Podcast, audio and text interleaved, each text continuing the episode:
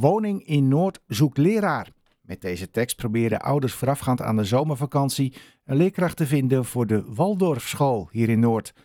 Want door het enorme lerarentekort in Noord hadden ze het idee dat het anders niet zou gaan lukken. We hebben contact met een van de initiatiefnemers, Sanne van Keulen. Mevrouw van Keulen, goedemiddag. Goedemiddag.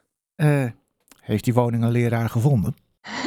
nou, we hebben gelukkig een leraar voor de klas gevonden. Uh, dus de hoge nood voor de zomervakantie uh, is opgelost. Mm -hmm. dit is alleen een leerkracht die al een woning had.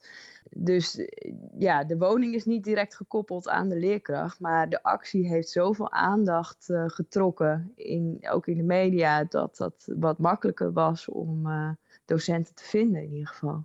Nou, dat is helemaal mooi. Uh, kost je geen woning en toch een leraar. Maar hoe kwamen jullie op het idee voor die actie? Ja, nou, uh, zoals je misschien weet, zijn de budgetten in het onderwijs om uh, vacatures te plaatsen op allerlei sites of te adverteren, die zijn, ja, gewoon, die zijn er niet eigenlijk. Mm -hmm. Um, er is heel veel concurrentie tussen scholen onderling om docenten te vinden vanwege het lerarentekort. En dat is in Amsterdam eigenlijk nog groter. En dan zie je ook dat heel veel leraren dus de stad uitgaan omdat ze uh, ja, heen en weer moeten pendelen tussen hun woonlocatie en de school. En dan kunnen ze ook heel makkelijk buiten Amsterdam een baan vinden waar ze op het fietsje naar hun werk kunnen. Ja. Dus het, uh, het lerarentekort en het woningentekort komt in Amsterdam samen. En eigenlijk, ja, de, het water stond ons aan de lippen, want we hadden gewoon de ja, lerarenformatie voor na de zomer helemaal niet rond.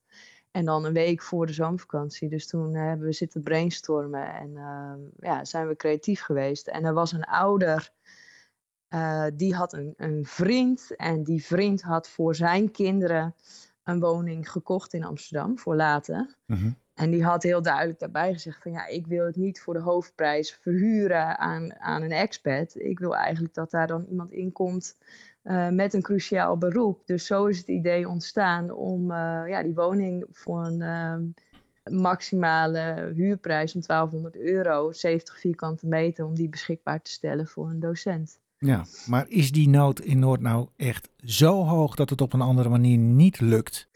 Nou, weet je, uh, het is eigenlijk uh, voor onze school steeds uh, een zoektocht. Wij zijn een school die in 2021 is begonnen. Ehm, we zijn dus op, in de opbouw aan het groeien. Dus we hebben steeds nieuwe docenten nodig. Daarnaast is er gewoon best wel een groot verloop. Ja, dus uh, zeker als je leerkrachten hebt die nog hun baan opzeggen zo vlak voor de zomervakantie ja, ga dan nog maar eens even iemand vinden. Dan hebben de meeste leerkrachten al besloten waar ze gaan werken. Ja. Dus in dit geval was de nood heel hoog. Maar ik kan eigenlijk wel zeggen dat dat continu zo is. ja. Het is niet. En, en er zit natuurlijk ook iets in. Sommige scholen hebben dan de middelen om een ZZP'er in te huren of tijdelijk iemand. Ja, die middelen hebben we gewoon helemaal uh, niet. Daar, ja, we zijn gewoon in opbouw en uh, het is een beetje roeien met de riemen die je hebt. Ja. Ja, wethouder Moorman uh, die erkent het probleem ook. Die probeert ook leerkrachten naar Amsterdam en ook naar ja. Noord te halen. Eigenlijk ook door ze voorrang te geven bij het zoeken van een huis. Ja, ja u deed eigenlijk uh, iets soortgelijks. Voelde ze zich gesteund door uw actie? nou, uh, de wethouder was er niet zo van gecharmeerd. Omdat hmm. zij natuurlijk niet de concurrentie wil tussen verschillende scholen omdat dan de scholen die het het moeilijkst hebben ook aan het kortste eind trekken. En dat is helemaal begrijpelijk. Maar tegelijkertijd, uh, ja, wethouder Moorman komt ook niet bij ons voor de klas staan na de zomer. Dus je moet als individuele school toch een oplossing gaan vinden. En uh, kijk, wij hebben met die actie ook gezegd van eigenlijk willen we een oproep doen aan alle particuliere verhuurders die zich toch een beetje ongemakkelijk voelen bij dat tweede huis. Waar ze de hoofdprijs voor vragen? Ja, waar ze ja, vaak toch experts in zitten of mensen hè, met een hele dikke portemonnee. Mm -hmm. Dus die roepen we ook op om te zeggen van ga nou je woning verhuren aan uh, iemand met een cruciaal beroep. En in ons geval bij voorkeur een docent. En dan uh, voel je je daar een stuk beter bij, denk ik. En dan los je ook nog, help je de wethouder om het probleem op te lossen. Maar ik denk ook dat, kijk, de wethouder die is een beetje aan het vechten tegen ja, tientallen jaren beleid van, van afbraak van de woningbouw.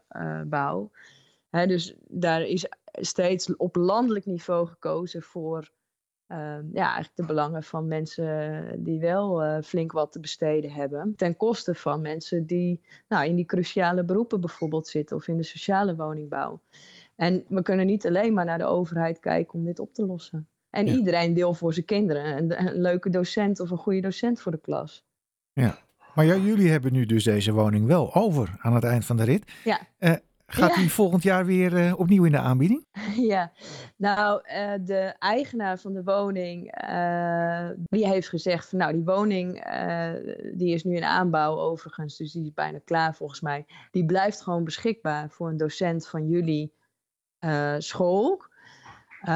dus in ieder geval blijft die woning beschikbaar voor een leerkracht. Die gaat niet ergens anders heen. Nou, succes met ja. de toekomstige zoektocht met hulp van een woning. Ja.